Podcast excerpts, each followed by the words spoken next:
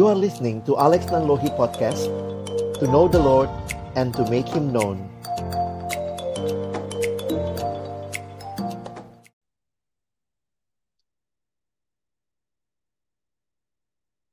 Shalom.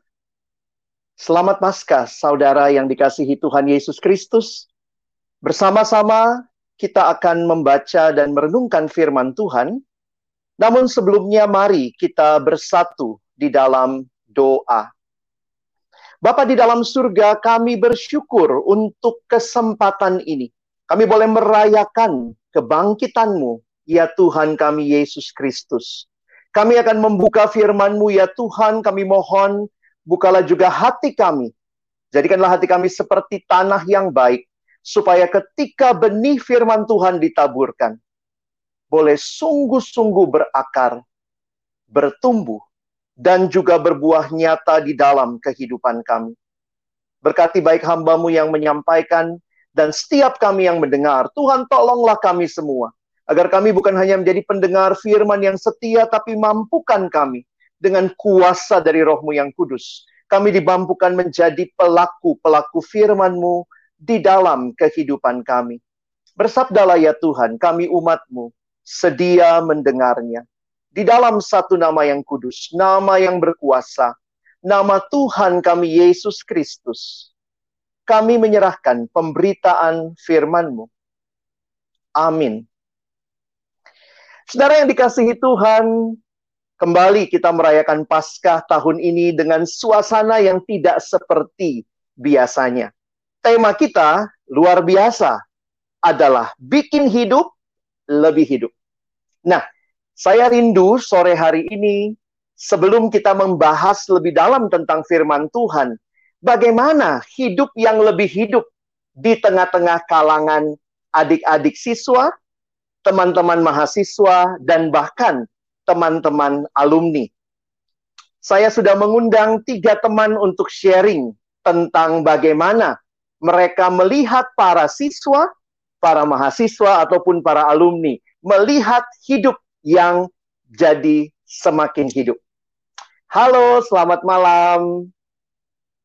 David bisa mendengar saya? Bisa, Bang. Okay. Selamat sore, Bang Alex. Fit, apa sih di tengah-tengah kalangan siswa kalau bicara hidup yang lebih hidup itu hidup yang seperti apa, Fit? Bagi beberapa orang siswa sih, Bang, hidup yang terasa lebih hidup itu kalau nilai ujian selalu dapat nilai yang bagus, atau aku juga ngeliat beberapa orang teman-teman siswaku yang kalau dia ngerasa lebih hidup, kalau misalnya punya kesibukan tertentu, dan juga bisa menyalurkan minat dan bakat dia, melalui organisasi atau komunitas yang dia miliki. Rasanya kurang afdol aja gitu kalau misalnya nggak aktif organisasi. Atau ada beberapa orang siswa yang rasa lebih hidup kalau dia punya banyak teman, punya banyak sahabat yang selalu bisa bikin happy, diajak hangout dan nongkrong bareng bang. Tapi kalau buat aku sendiri, hidup yang kerasa lebih hidup itu ketika aku mengenal dan juga mengalami perjumpaan dengan Kristus, serta menghidupinya dalam hidupku sehari-hari. Gitu sih Bang Alex kalau dari dunia para siswa. Thank you David. Wah luar biasa ya. Kita mau dengar juga nih dari teman-teman mahasiswa. Sudah ada ini Ega atau Alfa? Eh Alfa ya. Alfa. Halo Alfa. Halo Bang. Alfa, ini di mana nih? Lagi di kampung? Lagi di kampung. Oke. Okay. Oh, di Manado. Wah, dari sana juga bisa sharing ya. Silakan, Alfa. Bagaimana di tengah-tengah mahasiswa bikin hidup lebih hidup tuh kayak apa sih?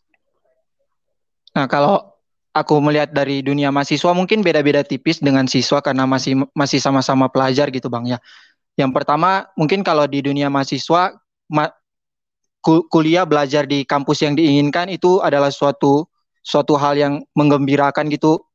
Terus setelah itu aku melihatnya ya standar lah kayak nilai ujian bagus apalagi di ujian yang susah gitu bang. Kayak wih aku dapat ujian aku dapat nilai yang bagus kayak merasa le lebih berharga gitu. Apalagi kalau misalkan sering ikutan lomba atau organisasi seperti itulah. Atau mungkin ada beberapa teman-teman yang kulihat dia merasa benar-benar lebih hidup apalagi dengan jiwa mahasiswa yang bebas ya masih muda jiwa yang bebas melihat bahwa oh kalau dapat dosen yang pengertian, sedikit tugas, itu akan menjadi lebih baik gitu. Itu akan menjadikan dia lebih senang.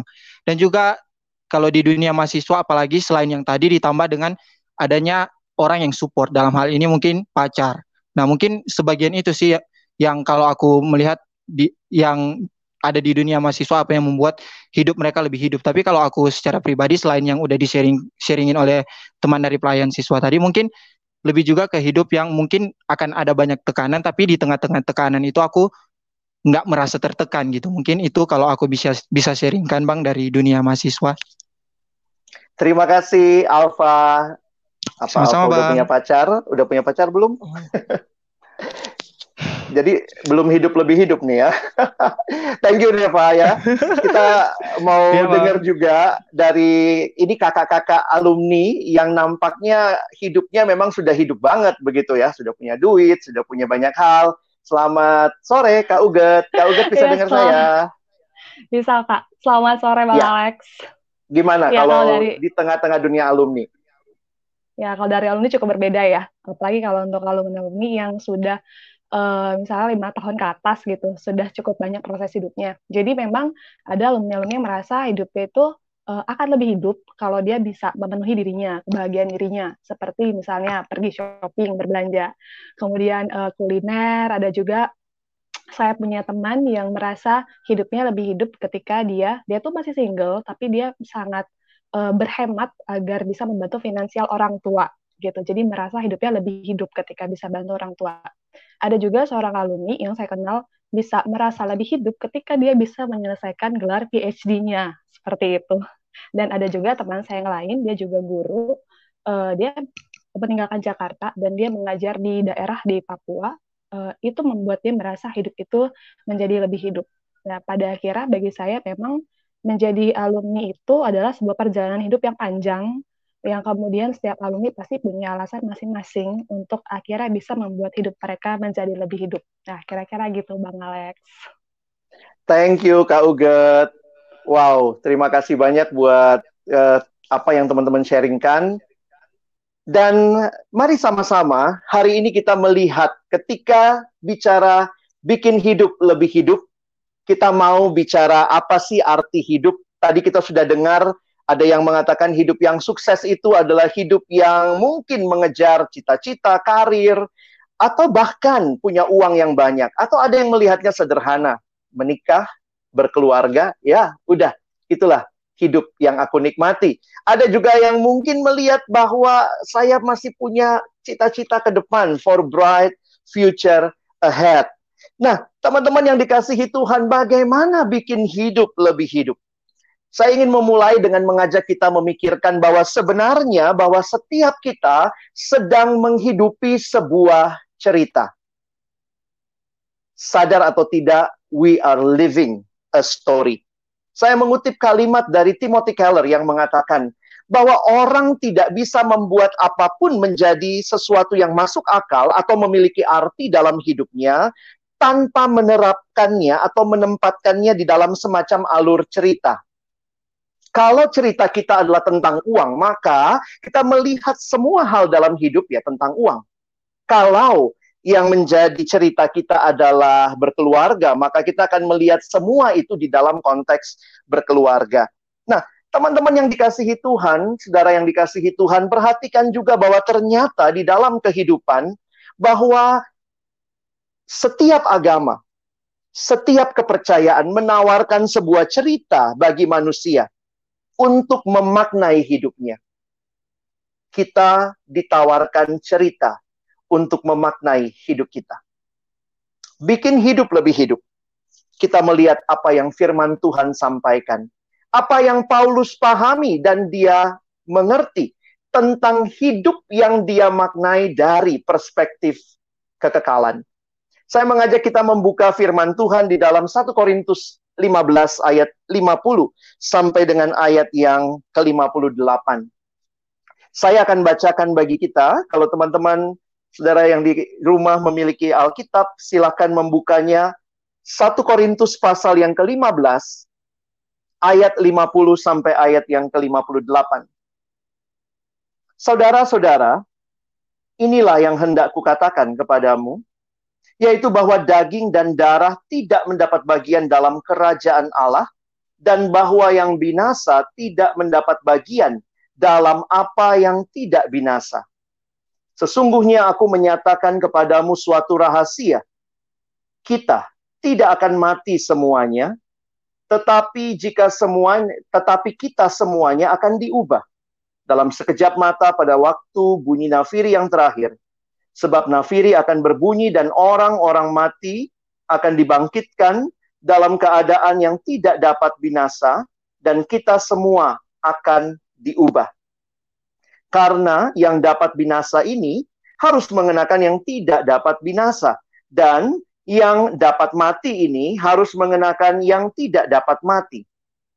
Dan sesudah yang dapat binasa ini mengenakan yang tidak dapat binasa, dan yang dapat mati mengenakan yang tidak dapat mati, maka akan genaplah firman Tuhan yang tertulis, maut telah dikalahkan. Maut telah ditelan dalam kemenangan. Hai maut, di manakah kemenanganmu? Hai maut, di manakah sengatmu? Sengat maut ialah dosa, dan kuasa dosa ialah hukum Taurat. Tetapi syukur kepada Allah yang telah memberikan kepada kita kemenangan oleh Yesus Kristus Tuhan kita karena itu saudara-saudaraku yang kekasih berdirilah teguh jangan goyah dan giatlah selalu dalam pekerjaan Tuhan. Sebab kamu tahu bahwa dalam persekutuanmu dengan Tuhan jeripayahmu tidak sia-sia. Saudara yang dikasihi Tuhan, saya menyiapkan slide bagi kita sehingga jika mungkin suara saya tidak terdengar dengan jelas, hampir seluruh teks saya tuliskan di dalam slide berikut ini. Kenapa kita membahas 1 Korintus 15? Karena itu tema kita yang diberikan kepada kita di ayat yang ke-57 dan 58.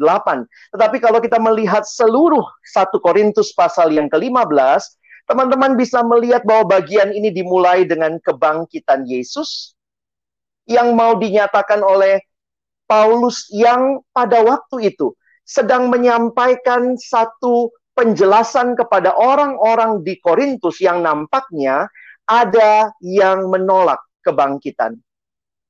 Dan diteruskan bagian ini dengan penampakan Yesus setelah kebangkitannya dan kita melihat Yesus menampakkan diri kepada murid-muridnya kepada lebih dari 500 saudara sekaligus dan kemudian dilanjutkan ini bagian yang teman-teman saudara yang dikasihi Tuhan bisa pelajari lebih jauh 1 Korintus 15 itu begitu indah karena memberikan kepada kita keyakinan akan kebangkitan kita juga. Kalau tadi kebangkitan Kristus, tapi ini kebangkitan kita dan juga bagaimana natur dari tubuh kebangkitan kita. Dan akhirnya bagian ini ditutup dengan suatu seruan kemenangan karena maut telah ditelan dalam kemenangan. Dan teman-teman yang dikasihi Tuhan, inilah yang menjadi bagian yang kita akan bahas bersama di dalam 1 Korintus pasal yang ke-15 ayat 50 sampai 58 di dalam bagian ini saya ingin mengajak kita bersama-sama melihat argumentasi yang Paulus sampaikan dengan sangat logis menuju kepada ayat kunci yang menjadi tema pasca kita hari ini. Saya membaginya dalam empat bagian, dan kita akan melihat satu demi satu. Saya akan memberikan penjelasan di dalam setiap bagiannya. Apa yang disampaikan Paulus sehingga akhirnya dia berkata bahwa di dalam Tuhan jeripaya kita tidak sia-sia. Mari kita lihat bagaimana Paulus menjelaskan bagian ini. Teman-teman, yang bagian pertama adalah kita perhatikan Paulus memberikan declaration, declaration atau pernyataan, sebuah pernyataan yang dia sampaikan. Kalau kita memperhatikan di dalam ayat 1 Korintus 15 ayat 50, Paulus menegaskan bahwa daging dan darah tidak mendapat bagian dalam kerajaan Allah. Dan perhatikan juga ada kalimat yang saya bold di situ yang binasa. Nah, mari kita coba lihat sebentar apa yang Paulus maksudkan ketika dia mengatakan daging dan darah. Jika kita membandingkan dengan ayat-ayat dalam bagian lain firman Tuhan, setiap kali bicara daging dan darah, itu sebenarnya bicara flesh and blood yang berarti adalah human beings. Jadi ini bicara tentang kondisi hidup manusia yang kita kaitkan bahwa our human condition in all its weakness, frailty, and vulnerability. Dan teman-teman ini tidak akan mendapat bagian dalam kerajaan Allah. Maksudnya apa? Bahwa tubuh kita harus menanti penggenapan di mana Tuhan akan membawa kita dalam sebuah perubahan dalam tubuh kebangkitan sama dengan tubuhnya. Jadi Paulus menjelaskan kepada jemaat di Korintus bahwa dengan tubuhmu sekarang kamu tidak bisa menikmati kerajaan Allah yang Tuhan sampaikan. Dalam bagian berikutnya dikatakan yang binasa tidak dapat mengenakan bagian dalam apa yang tidak binasa. Tubuh kita bisa binasa, tubuh kebangkitan adalah tubuh kemuliaan, sehingga kita menanti, we need to be changed untuk masuk ke dalam kerajaan Allah. Ini sesuatu yang Memang betul, waktu kita percaya Yesus, kita sudah mengalami hidup kekal, tetapi hidup kekal yang sempurna, yang digenapkan, itu akan terjadi ketika nanti Tuhan datang kembali dan kita mengalami kebangkitan. Sehingga Paulus mau bicara begini sebenarnya kepada jemaat di Korintus. Kamu menolak kebangkitan, maka kalau kamu menolak kebangkitan, tidak ada kebangkitan, maka tubuhmu sekarang tidak punya bagian di dalam kerajaan Allah yang dia janjikan kemudian. Selanjutnya kita melihat apalagi argumentasi yang Paulus bangun di dalam 1 Korintus 15 ini bagian yang kedua adalah revelation atau penyataan. Lihat bedanya ya. Tadi pernyataan, declaration. Sekarang penyataan. Kalimatnya menarik karena Paulus mengatakan di dalam 1 Korintus 15 ayat 51 dan 52. Kalimatnya sesungguhnya aku menyatakan kepadamu suatu rahasia. Ada sesuatu yang Tuhan tidak nyatakan kepada semua orang, tetapi sebagai rasulnya Paulus diberikan penyataan itu. This is revelation. Apa rahasia yang dia sampaikan? Kita tidak akan mati semuanya, tetapi kita semuanya akan diubah dalam sekejap mata pada waktu bunyi nafiri yang terakhir sebab nafiri akan berbunyi dan orang-orang mati akan dibangkitkan dalam keadaan yang tidak dapat binasa dan kita semua akan diubah. Saya pikir sebagai orang Kristen ketika kita masih biasa ke gereja, ya mungkin sekarang kita gerejanya di rumah begitu ya. Tetapi kita masih mengucapkan pengakuan iman rasuli. Kita berdiri dan meyakini aku percaya akan kebangkitan tubuh. Kebangkitan daging, kebangkitan orang mati ini sebuah rahasia yang dinyatakan bahwa inilah saya coba simpulkan dengan kalimat berikut this is the radical transformation. Harus terjadi. The great change. Tuhan akan mengubahkan kita dengan tubuh kebangkitan. And that will take place on the day of resurrection. Itu akan terjadi pada hari kebangkitan itu pada waktu Tuhan datang kedua kalinya akan terjadi pembaharuan itu dan teman-teman bisa memperhatikan this is for the living and the death. Jadi ini untuk semuanya. Sekali lagi lihat cara Paulus memberikan pemahaman kepada jemaat di Korintus. Kamu menolak kebangkitan. Ingat, tubuh yang sekarang tidak bisa menikmati kemuliaan kekal dalam kerajaan Allah. Dan kita menanti, ada saatnya nanti Allah akan mengubahkan kita. Dan itulah yang menjadi penghayatan kita. Tetapi yang menarik teman-teman ini bukan penghayatan yang kosong. Karena yang menjanjikannya Yesus Kristus itu telah terlebih dahulu bangkit. Jadi sekali lagi, ini bukan pengharapan yang kosong. Saudara dan saya berdiri setiap hari Minggu berkata, aku percaya akan kebangkitan tubuh. But that is not an empty hope. Karena itu terjadi di dalam dan melalui karya Yesus yang bukan hanya mati, tapi dia bangkit membawa kemenangan. Teman-teman yang dikasihi Tuhan, inilah pengharapan yang luar biasa sehingga kita melihat tidak heran bagian yang ketiga sekarang. Di dalam bagian yang ketiga, pertama declaration, yang kedua kita melihat revelation, dan yang ketiga kita melihat celebration. Ada sebuah perayaan Biar mudah diingat kalau bahasa Indonesia tadi pe, pernyataan, lalu kemudian penyataan, dan sekarang perayaan. Apa yang dirayakan ketika saudara melihat cara Paulus menjelaskan, maka lihatlah di dalam ayat 54. Dan sesudah yang dapat binasa ini, mengenakan yang tidak dapat binasa, berarti nanti ketika tubuh yang binasa kemudian diubahkan menanti tubuh yang tidak dapat binasa, dan ini mengenakan yang tidak dapat mati atau yang mati, tubuh yang bisa mati mengenakan yang tidak dapat mati. Perhatikan Paulus kemudian menyerukan sebuah sahutan sorakan kemenangan. Apa yang dia sampaikan? Perhatikan Paulus mengutip dua ayat dalam perjanjian lama. Maka kalimatnya dituliskan, maka genaplah firman Tuhan yang tertulis Maut telah ditelan dalam kemenangan. Ini kutipan dari Yesaya 5, 25 ayat yang ke-8. Coba lihat sebentar. Yesaya 25 ayat yang ke-8. Ia meniadakan, ia akan meniadakan maut untuk seterusnya. Dan Tuhan Allah akan menghapuskan air mata pada segala muka dan aib umatnya akan dijauhkannya dari seluruh bumi sebab Tuhan telah mengatakannya. Saudara yang dikasihi Tuhan bagi saya ini bagian yang penting untuk mengingatkan kita. Paulus mengutip ini sorak kemenangan sebenarnya di dalam Yesaya pasal yang ke-25.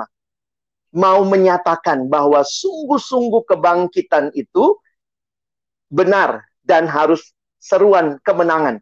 Nanti kalau teman-teman pelajari konteksnya, Yesaya sedang menyampaikan seruan kemenangan di waktu itu, di dalam masanya. Lalu bagian yang kedua, lihat lagi, ada kalimat firman Tuhan yang dikutip 1 Korintus 15 ayat 55, maka gena, akan genaplah firman Tuhan yang tertulis, perhatikan, Hai maut, di manakah kemenanganmu? Hai maut, di manakah sengatmu? Sebenarnya ini pun adalah kutipan dari Hosea 13 ayat 14. Seringkali kita pikir ini kalimatnya Paulus, tetapi Paulus pun mengutip dari Hosea. Dan Hosea 13 ayat yang ke-14 ini juga sebenarnya adalah Hosea uh, apa ya seperti sedang menantang. Mana gitu ya ketika bicara pembebasan. Akan kau bebaskankah mereka dari kuasa dunia orang mati? Akan kutebuskah mereka daripada maut? Di manakah penyakit samparmu Hai maut, di manakah tenaga pembinasamu? Hai dunia orang mati, mataku tertutup bagi belas kasihan. Di dalam bagian ini, kalau teman-teman perhatikan, seolah-olah sedang menantang maut itu. Itulah juga yang menjadi satu pemahaman kalau kita mempeakan Hosea 13 ayat 14. Jadi sebenarnya apa yang sedang disampaikan Paulus? Seruan kemenangan yang bukan hanya terjadi pada waktu itu, tapi menggenapi apa yang sudah Tuhan janjikan. Dan dia mengutip dua ayat ini menunjukkan sebuah situasi hati yang celebrate. If you experience the recent Savior, then you will celebrate. Karena apa yang Tuhan nyatakan itu sungguh-sungguh benar dan pasti. Lalu dia melanjutkan kalau teman-teman perhatikan, ini mulai ayat-ayat yang kita kenal ya. Bagian atas tadi kayaknya kita kurang terlalu kenal ayatnya. Tapi saya menarik sekali melihat logika Paulus membangun argumentasi sebelum sampai ke ayat kunci kita. Di sini dikatakan, Hai maut, di manakah kemenanganmu? Saya menuliskan di situ ini gambaran pemimpin militer yang sudah dikalahkan. Jadi bukan hanya sukacita kemenangan, tetapi juga akhirnya seolah-olah menantang, Hai maut, di mana kemenanganmu? Pemimpin militer yang sudah kalah tidak bisa apa-apa lagi. Dan saudara lihat, hai maut, di manakah sengatmu? Orang takut dengan hewan berbisa, kalah jengking ular, tetapi ini gambaran hewan berbisa yang bisanya sudah dikeluarkan. Hai maut, di manakah sengatmu? Saudara yang dikasihi Tuhan, situasi memang tidak mudah saat kita saat ini melihat dunia di sekitar kita. Maut menjadi begitu nyata, kematian di mana-mana, begitu banyak orang yang mati dengan jumlah angka yang bertambah setiap waktu. apa yang kita bisa hayati dari situasi ini?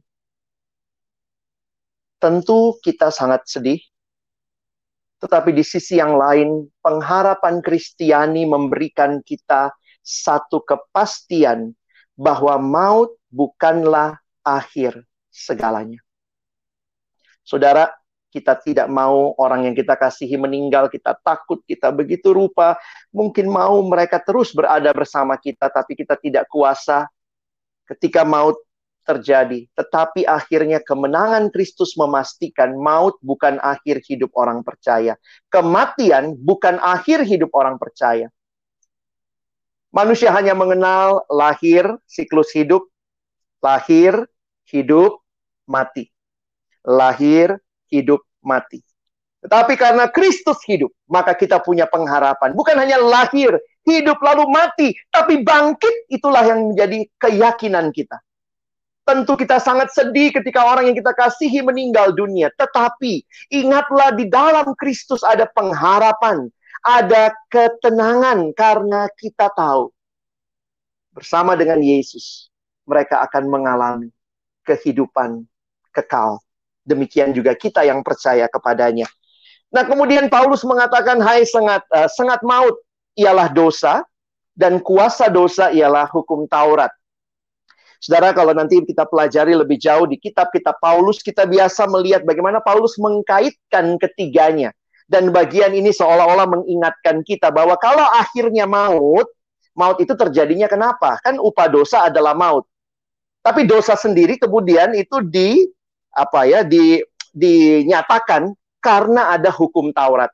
Hukum Taurat menyatakan adanya dosa, ada pelanggaran hukum Allah. Dan karena dosa adalah upahnya maut. Dan ini yang Paulus katakan sudah diselesaikan. Sengat maut ialah dosa. Dan kuasa dosa ialah hukum Taurat. Kristus sudah menang. Ini kalimat yang saya kutip dari John Stott. Dia mengatakan, What give death its sting is sin because death is the penalty of sin. But what gives sin its power is the law because the law reveals and condemn our sins. Tapi saudara, fakta ini yang kita alami. Yesus sudah menyelesaikan semuanya ini bagi kita. Karena itu di ayat yang ke-57 celebration masih terjadi. Paulus berkata syukur kepada Allah.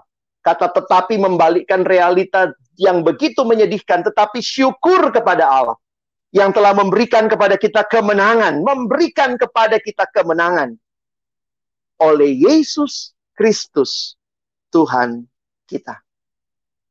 Saudara Paulus mau menyatakan sekali lagi kepada orang Korintus dan bagi kita semua, kamu bilang Tuhan tidak bangkit dan nothing. Tetapi karena dia bangkit, maka kita punya pengharapan, kita punya kepastian hidup kekal itu nyata. Dan apa yang terjadi, kita menantikan Allah yang akan menggenapkan janjinya pada waktunya. Dan inilah yang membawa kita ke tema kita hari ini. Bagian yang keempat. Pertama, declaration. Yang kedua, revelation. Yang ketiga, kita melihat tadi, celebration. Dan yang keempat, exhortation. Peneguhan.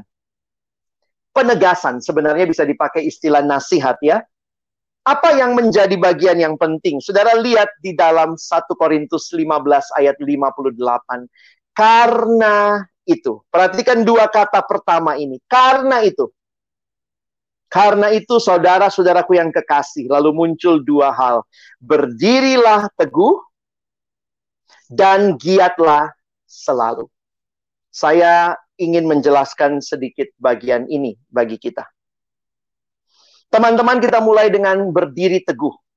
Stand firm. To stand firm. Why? Because of the glorious truth of resurrection. Kalau saudara dan saya bisa berkata ini pasti. Cerita Injil ini benar.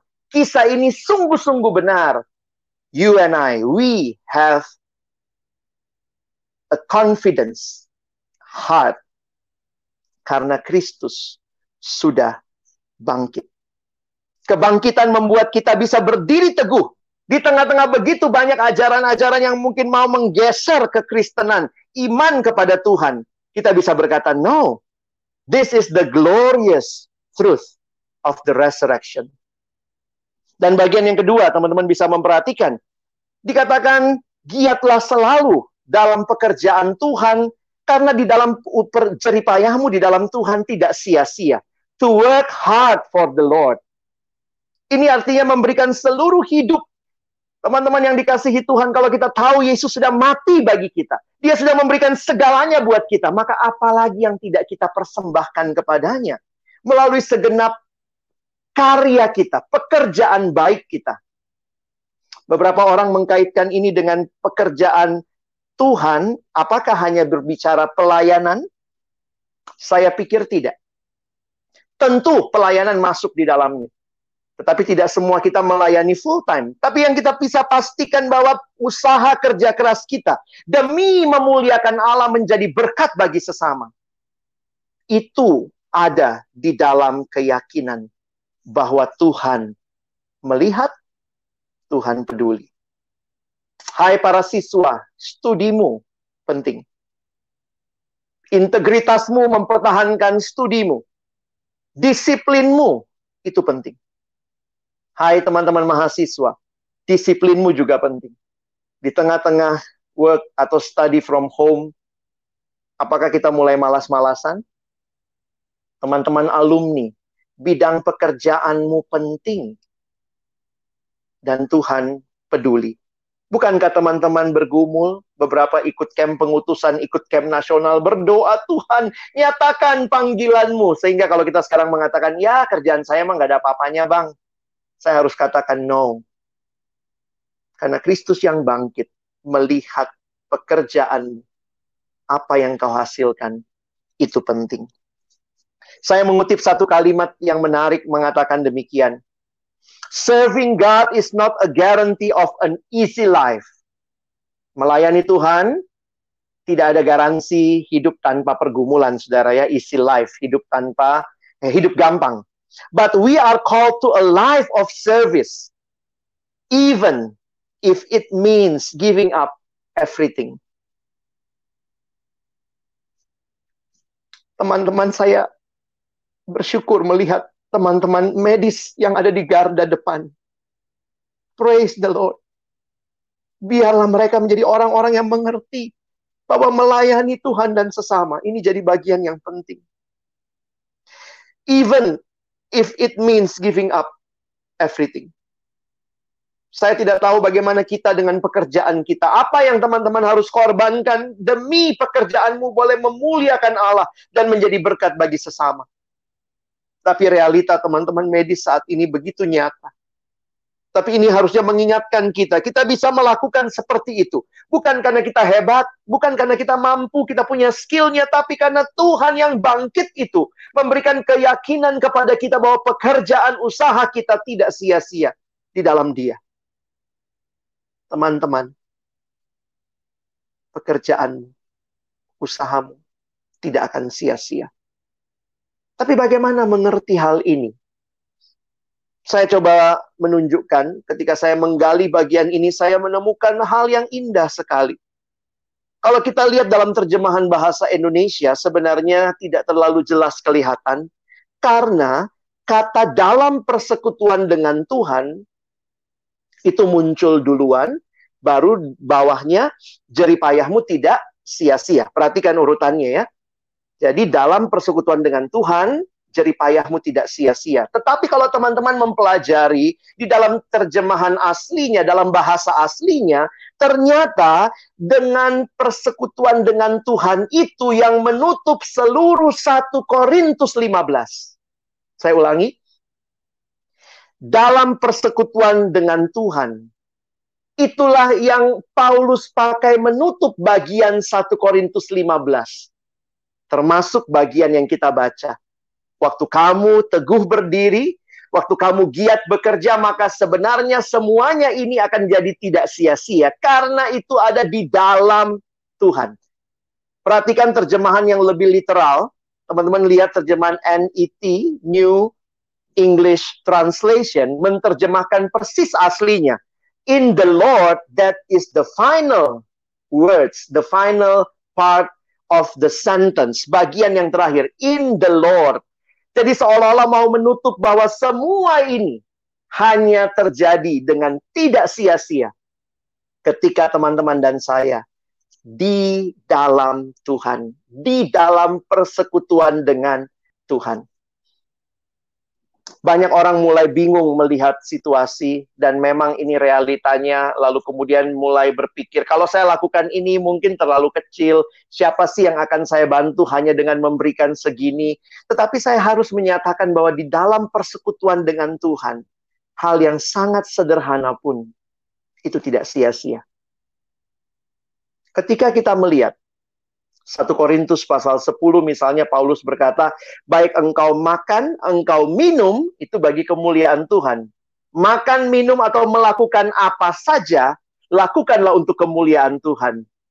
Di dalam Tuhan, untuk kemuliaan Tuhan.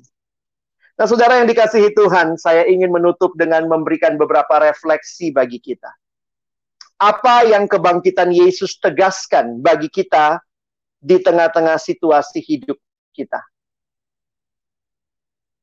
Saya ingin mengajak kita melihat bersama-sama, sebenarnya kebangkitan Kristus menegaskan God's forgiveness. Kebangkitan Kristus menegaskan akan pengampunan yang kita telah terima di dalam Kristus. Teman-teman, mari lihat ayatnya sebentar. Ini persis di atasnya kalau teman-teman membaca di dalam 1 Korintus 15 ayat yang ke-17 dan jika Kristus tidak dibangkitkan maka sia-sialah kepercayaan kamu dan kamu masih hidup di dalam dosamu. Teman-teman ketika Kristus bangkit maka ketika itu apa yang kita takutkan dengan masa lalu kita karena hidup di dalam dosa ini Tuhan sudah berikan pengampunan. Pengampunan Allah pasti karena Kristus hidup. Kalau Kristus tidak bangkit, maka kita belum diampuni. Kita masih hidup dalam dosa kita. Nah, teman-teman, ini yang perlu kita ingat bahwa setiap kita punya masa lalu. Kebangkitan Kristus memastikan bahwa ada harapan baru karena masa lalu tidak lagi membayangi kita. Tetapi masa lalu sudah Tuhan ampuni. Yang kedua, kita akhirnya bisa melihat kebangkitan Kristus menegaskan tentang kuasa Allah, God's power. Teman-teman, apa yang dimaksud dengan God's power? Saya mengutip kalimat John Stott. God who raised Jesus from physical death can raise us from spiritual death and make us new people in Christ. Ini pengharapan kita, saudara teman-teman Allah yang telah membangkitkan Yesus dari kematian secara fisik dia dapat tubuh kemuliaan dia bisa mengubah kita. Teman-teman kita punya pengharapan. Saya pikir jangan berhenti melihat aduh saya sudah jatuh dalam dosa saya nggak bisa bangkit. Kebangkitan Kristus memastikan kita bukan hamba dosa. Dan kita punya pengharapan hidup yang baru alami kuasa Allah. Saya kutip kembali Efesus pasal 1 Efesus pasal 1 ayat 19 dan 20 dan betapa hebat kuasanya yang bagi kita yang percaya ya sesuai dengan kekuatan kuasanya yang dikerjakan di dalam Kristus dengan membangkitkan kita dari antara orang mati.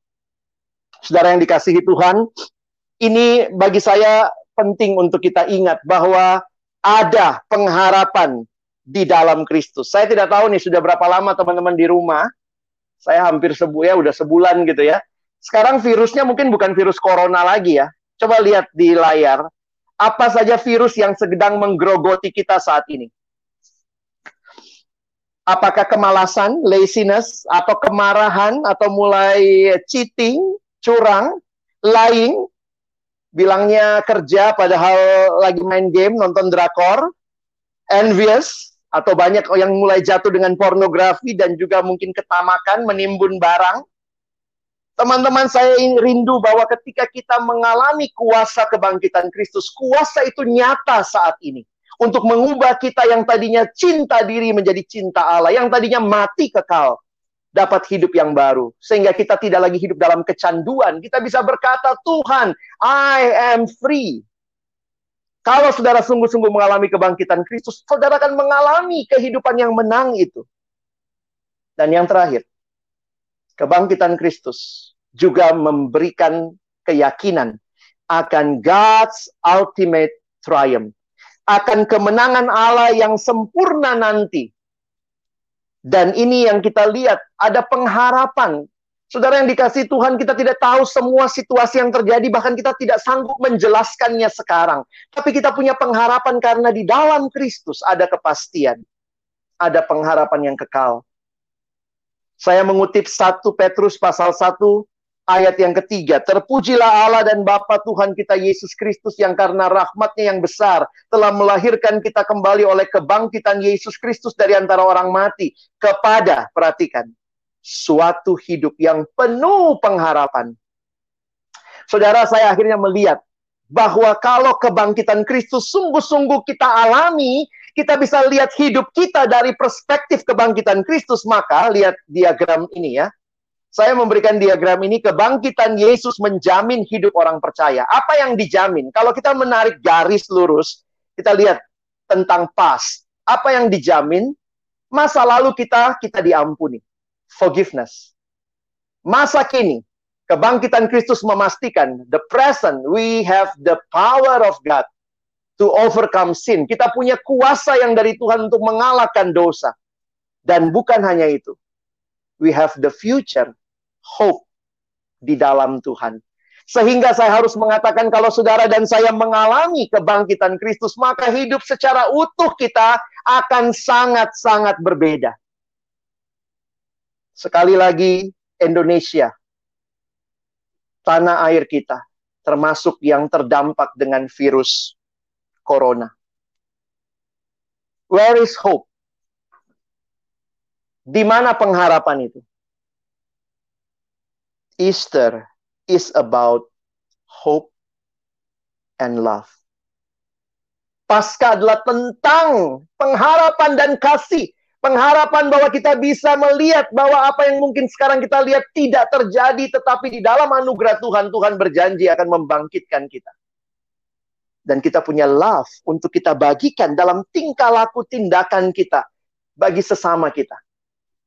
Sehingga saudara yang dikasihi Tuhan, kita bisa bernyanyi bersama. Because He live, we can face tomorrow. Jadi saudara yang dikasihi Tuhan, sahabat-sahabat perkantas di mana pun saudara mendengarkan dan menonton live kita hari ini. Saya menutup dengan beberapa perenungan bagi kita. Bagaimana bikin hidup lebih hidup? Di awal saya katakan setiap kita sedang menghidupi sebuah cerita.